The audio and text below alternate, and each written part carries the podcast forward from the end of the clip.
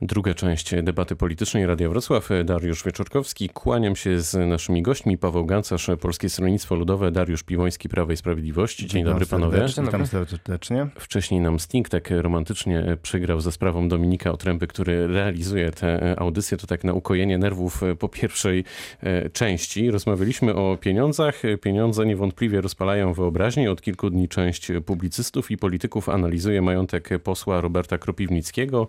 Wcześniej zajmowano się Danielem Obajtkiem, chociaż tutaj nikt nie stawia e, znaku równości, przynajmniej tak mi się mm, wydaje. Ale pytanie jest e, takie do panów, czy na przykład szefowie państwowych spółek powinni ujawniać swoje majątki, czy rodziny polityków również powinny ujawniać e, majątki? Paweł Gancarz.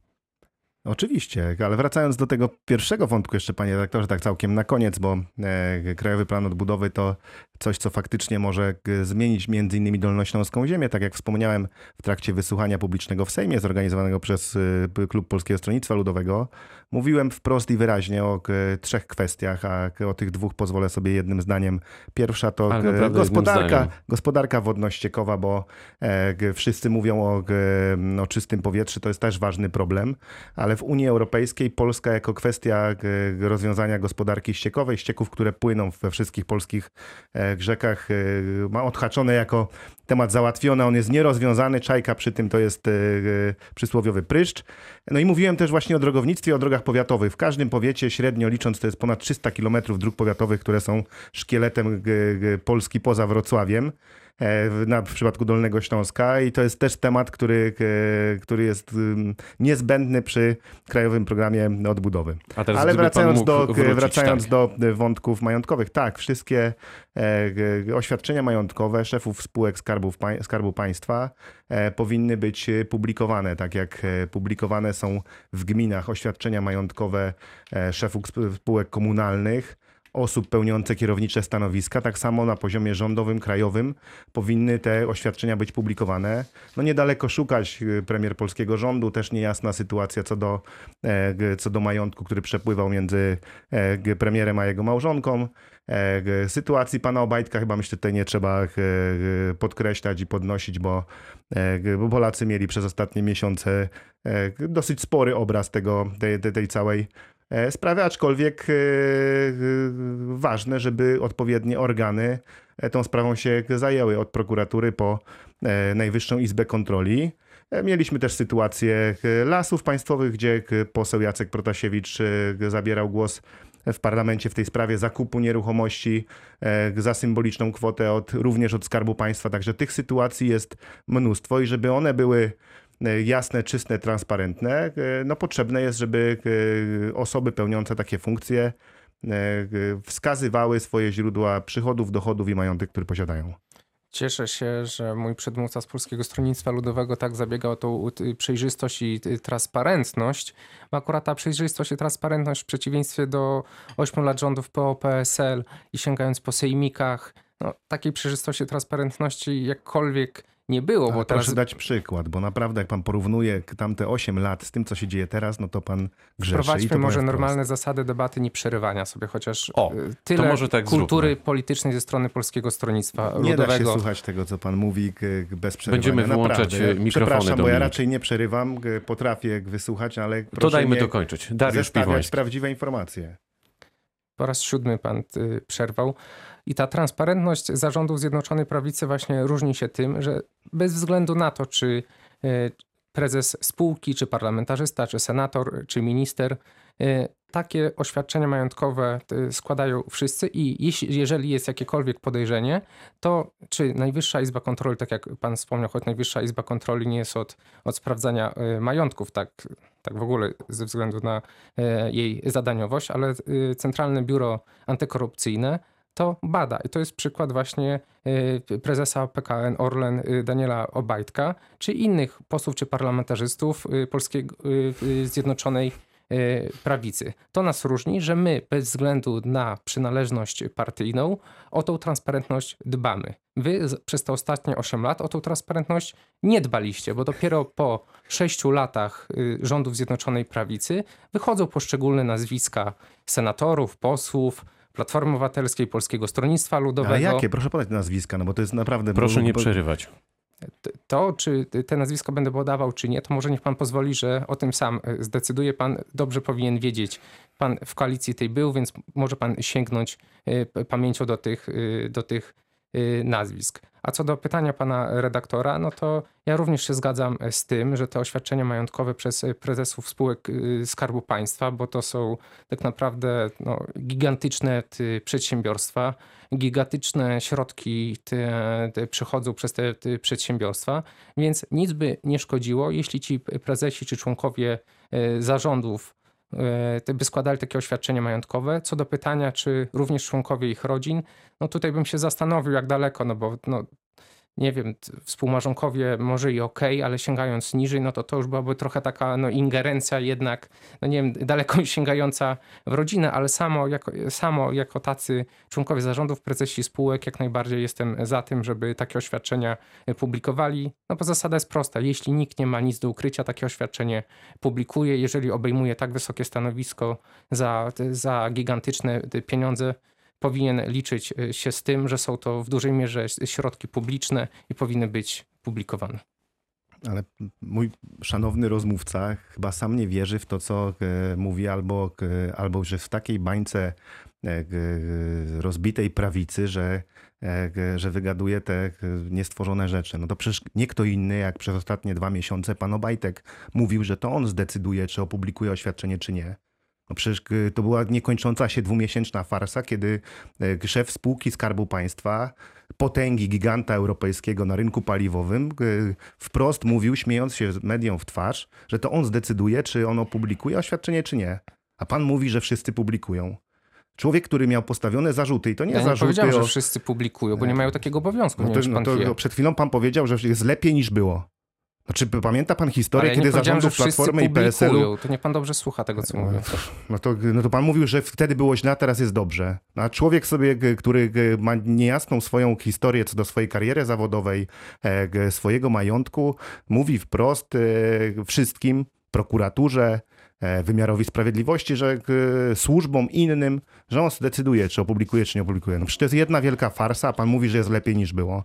No zejdźmy na ziemię, bo to, co się dzieje, już nie wspominając tej o dolnośląskiej aferze układu wrocławskiego, który pewnie też moglibyśmy poświęcić całą e, audycję różnych powiązań w różnych sprawach, w różnych wątkach.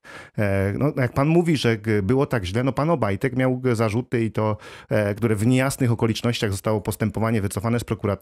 To był człowiek, który w jednym dniu zwolnił e, kilkaset osób z kierowniczych stanowisk Agencji Restrukturyzacji i Modernizacji Rolnictwa. Publikował długą listę. Jakoś nie słyszałem, żeby naraził komuś... się trochę E, PSL-owi. Nie, no nie słyszałem, no nikomu się nie naraził. To naraził się sobie, Tak, że później jego agencje minister... rolnicze, No dlatego proszę mi nie dlatego- przerywać, ale proszę nie przerywać. No proszę, tak to boli. proszę nie przerywać. Nie, nie boli mnie to, bo później pan Ardanowski, minister rolnictwa ówczesny, mówił, że e, agencje nie pracują i rolnicy już sami zapomnieli, na co składali wnioski. Taki był efekt tego. A e, ta agencja i Skarb Państwa musiał wypłacić kilka milionów odszkodowań tym ludziom za bezpodstawne zwolnienie z pracy.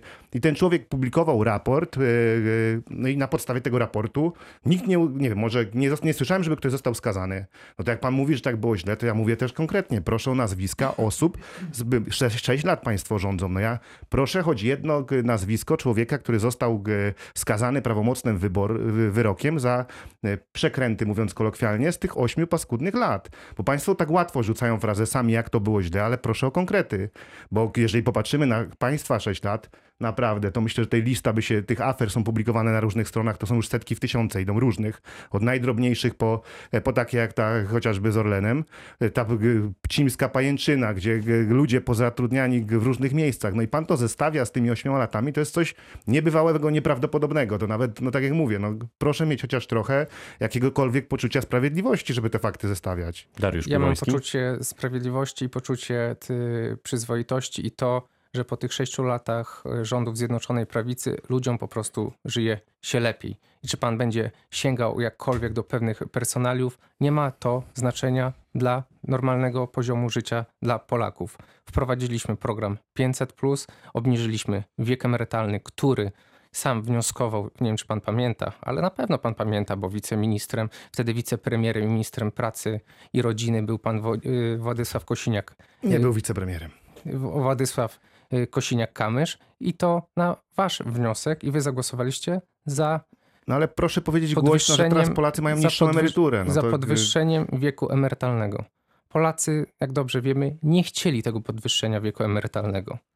Poziom życia, poziom bezrobocia, który jest niższy o 6-7 stóp procentowych w stosunku do tego, co było. Więc może pan zakłamywać rzeczywistość, szukać nazwisk, szukać sprawiedliwości, szukać, że poszczególna gmina dostała te środki bądź nie. Polakom żyje się dzisiaj lepiej. To jest ta różnica pomiędzy tym, pomiędzy tymi ośmioma latami, a, a, rząd, a sześcioma latami e, Zjednoczonej Prawicy. Ma pan rację, jest to idealne usprawiedliwienie na to, że można teraz swoi mogą obsiadać spółki Skarbu Państwa. Publiczne pieniądze też, bo Skarb Państwa e, ma udziały w tych spółkach e, i Polacy mają się z tym pogodzić, że to, co się dzieje w tych spółkach Skarbu Państwa i w innych instytucjach, bo tak to rządowych trzeba nazwać, to, e, to jest wszystko korekt, bo Polakom żyje się lepiej. No, jakby państwo nie, nie otrzymali państwa dobrze zorganizowanego. Nie mówię, że idealnie i że wszystko było idealnie, bo to jako Polskie Stronnictwo Ludowe podkreś- podkreślamy na każdym kroku i Władysław Kosiniak-Kamysz, że nie wszystko było idealnie, bo, e, bo chciałoby się idealnie, ale nie zawsze się da. Ale jakby państwo tego e, kraju nie otrzymali w dobrej kondycji, w dobrej formie, no to nie byłoby was stać na te e, transfery socjalne, które były skierowane. I proszę transferami socjalnymi nie zamydlać obrazu, tylko e, proszę wreszcie zrealizować to, co państwo zawsze e, obiecywali. Pokora, umiar, skromność. E, To mówiła zresztą wasza premier z mównicy sejmowej. E, I ja mam taką prośbę, żeby państwo po prostu wdrożyli to w życie i zaczęli tego przestrzegać. To prawda, 6 lat już minęło, ale zawsze może przyjść czas na refleksję. Więc ja tylko jednym zdaniem odpowiem. E, Czy pamięta pan, kto negocjował ceny gazy z Rosją? Zapewne pan pamięta. Pan bo Jasiński. Bo, bo, bo to był pan Minister w waszym Pawlak. rządzie. A wie pan, kto odzyskał te 6 miliardów y, w, w trakcie rządów Zjednoczonej Prawicy? Właśnie odzyskał zarząd PGNiG i Polska Ale tak to jest naprawdę. nieprawda. Kolejna herezja, którą No, ale to niech pan głoszą. spojrzy no, w dane. To niech pan To- poczyta trochę, naprawdę. Wielokrotnie Dobrze, to komentowane. niech pan spojrzy na konto PGNiG, już spłynęło od Gazpromu 6 Tak, miliardów złotych. na- No, no to dobrze, no to, to, była, to była umowa wynegocjowana przez pa, Dajmy państwa dokończyć. ministra Jasińskiego, której, e, która, która była wynegocjowana. No to- zyski spółek Skarbu Państwa są o niebo wyższe niż te, które były za waszych y, rządów. To jest jedna rzecz. Jeden, kon- jeden konkret. 6 miliardów odzyskane od rosyjskiego giganta y, Gazpromu na konto PGNiG. To wystarczy. Dziękuję. No to zmieniamy e, temat, bo mamy jeszcze e, chwilę na dyskusję. Na ile panów zdaniem prawdopodobny jest e, scenariusz e, przyspieszonych e, wyborów? Dariusz Piwoński. No, w moim przekonaniu scenariusz y, przyspieszonych wyborów no jest, jest mało realny. Tak? To, nie, to nie, że realny, bo zawsze do, do tych przyspieszonych ze względów no, takich i, i politycznych, i osobistych zawsze komuś y, no, nerwy mogą puścić, ale ze względów politycznych wydaje mi się, że żadnemu z ugrupowań politycznych, które są w tej chwili e, w polskim parlamencie na tych wyborach nie zależy. Już tak mówię jako, jako bardziej może politolog, nie bardziej jako, jako, ty jako polityk. W tej chwili no, Platforma Obywatelska... Szymonie Hołowni pewnie zależy. A to też może nie do końca Szymonowi Hołowni może zależeć, bo wydaje mi się, że nie jest na tyle jeszcze zorganizowany, żeby te sprawnie te wybory czy kampanię wyborczą przeprowadzić, więc też nie do końca musi być faktem, czy Szymonowi Hołowni na tych wyborach zależy. Platforma Obywatelska dwa lata temu w wyborach miała około 27% głosów. W tej chwili w sondażach to już jest, no, schodzi poniżej 20%, więc połowa parlamentarzystów Platformy Obywatelskiej by w tym Sejmie się nie znalazła. Więc też nie chce mi się wierzyć, żeby Platforma Obywatelska i ci posłowie sami z siebie zagłosowali za rozpisaniem tych wyborów, już patrząc realnie z ich po prostu interesu politycznego, ich interesu osobistego. Konfederacja otrzymuje dalej stały, stały poziom, więc nic na tym nie zyskuje bądź może nawet tracić, więc, więc uważam, że też nie. Polskie Stronnictwo Ludowe startowało z Kukizem, więc sięgnęło tych 8-9%, tak, no to w tej chwili też już jest bez, bez swojego koalicjanta Kukiza i też jest na granicy y, progu y, progu wyborczego. No i Prawo, Prawo i Sprawiedliwość, które też sięga w sondażach już teraz poniżej 40%, więc ciężko by było uzyskać samodzielną, y, samodzielną większość. Paweł Gancarz, pana Ten- również poproszę o ten- taką e, analizę. Ten magiczny próg PSL-u, to e, on się pojawia odkąd jestem w Polskim Stronnictwie Ludowym od 20 lat. Zawsze To jesteśmy pod prawda, progiem, ale, 5%. a w wyborach, e, a w wyborach jest i 17, i 20 kilka było razy i, i koło 9-10 zazwyczaj procent jest. Ale to już e, 20 pomijam- to ja nie pamiętam, W wyborach samorządowych 2014 A roku to wtedy, kiedy byliście 23%. pierwsi na liście. 23%, także było, panie redaktorze. Ale, ale Ta tak już magiczna, abstra- magiczna strona. Nie, magiczne, Otwierająca. ma, magiczne deptanie e, Polskiego Stronnictwa Ludowego za wszelką cenę pod ten próg. No, partii, e, która, która ma swoją historię 125 lat i, e, i naprawdę można różne rzeczy nam przy Dobrze, to ja e, inaczej sformułuję ale tak, ale pana. To wracając inaczej do, sformułuję ale do wracając pana do tego, pytanie. Inaczej sformułuję pytanie, chociaż e, o to samo. E, Czy Jarosław Gowin, w którym pokłada nadzieję opozycja, jest człowiekiem wiarygodnym, który w swoim politycznym życiu, w politycznej karierze no, zrobił już wiele nagłych zwrotów akcji? Każdy ma prawo się pomylić i e, my liczymy na to, że e, w którymś momencie Jarosław Gowin i, mm, i parlamentarzyści porozumienia e, no, dojrzeją już do, mm, do tego poczucia, że, że te 6 lat to był duży błąd, który popełnili. Myślę, że może dojrzewają, może zaczynają wypływać różne fakty i, i ta sytuacja w, na tym poziomie parlamentarnym się zmieni. Moim zdaniem wszystko jest możliwe, bo tutaj nie możemy zakładać żadnego scenariusza, bo znamy takie historie, gdzie wydawałoby się, że stabilna większość e, lub rząd mniejszościowy, a, e, a z dnia na dzień rozpisane wybory. Także e, w każdej chwili my zawsze jako Polskie Stronnictwo Ludowe jesteśmy gotowi na wybory i, i po zamkniętej kampanii rozpoczynamy pracę przed następną i i tego nam nie można odmówić. Jesteśmy w terenie z ludźmi, e, znamy te problemy, znamy, znamy sprawy, ale e, nie tylko Dolnoślązaków. E, Ale e, no moim zdaniem wszystko może się, e, wszystko może się zdarzyć. E, Wiadomo, że no, już teraz nie zjednoczoną prawicę, e, no łączy jedno, no łączą właśnie to, o czym mówiliśmy dzisiaj e, długie, dobre kilkadziesiąt minut, e, czyli stanowiska, łupy, e, mówiąc kolokwialnie, czyli to, co można jeszcze z tego państwa e, wyciągnąć. Ale gdybym E, chciał no i- być delikatny, to też bym powiedział, że za waszych rządów, chociaż to już e, historia. E, No PSL nigdy, mówiąc delikatnie, nie brzydziło się państwowymi e, posadami w spółkach Skarbu Państwa Ale- i w samorządzie. No i nie wiem, naprawdę jakby pan myślę prześwietlił k- k- 120 lat, ponad 120 lat PSL-u, No, to na- na myślę, tyle nie że, mam czasu, myślę, ale że, na ale, ale rządy myślę, że nawet mam. te 8 ostatnich lat, bo e, ja mógłbym dać konkretne przykłady z Dolnego Śląska, gdzie e, nie wiem, zawiadywaliśmy sektorem rolniczym i, e, i nikt z PSL-u nie pełnił nie wiem, tylu funkcji Działacze byli wszędzie. Nie, naprawdę. Może to tu jest, nie mieliście działaczy. Proszę mi, proszę nie, takich rzeczy nie. Ja pamiętam w tych różnego rodzaju instytucjach okołorolniczych ludzi, którzy y, od momentu powołania tych instytucji tam pełnili i byli z różnych partii politycznych i to, co się, y, ten stereotyp, który, do którego próbował pan nawiązać, to jest, Czyli nie, to to stereotyp. jest, to jest coś niepo, nieporównywalnego i y, niemiarodajnego w zestawieniu z tym, co się dzieje teraz. Cieszę się, że mój przedmówca mówi z perspektywy właśnie działacza PSL-u, bo może nie byli to działacze, tylko były to po prostu rodziny, z czego Polskie Stronnictwo e, Ludowe e, jest znane. A Związek Spółek Skarbu Państwa, jak wiemy, pan sięga, Musimy że kończyć, tutaj panowie. próbują jakoś, nie wiem, drałować te spółki Skarbu Państwa. Naprawdę. Wyniki spółek Skarbu, Skarbu Państwa, nawet i KGHM-u tutaj Dolnośląskiego za ubiegły rok jest o 10% zyski netto są wyższe niż te, które były w ubiegłym roku. Więc naprawdę spółki Skarbu Państwa Kończymy.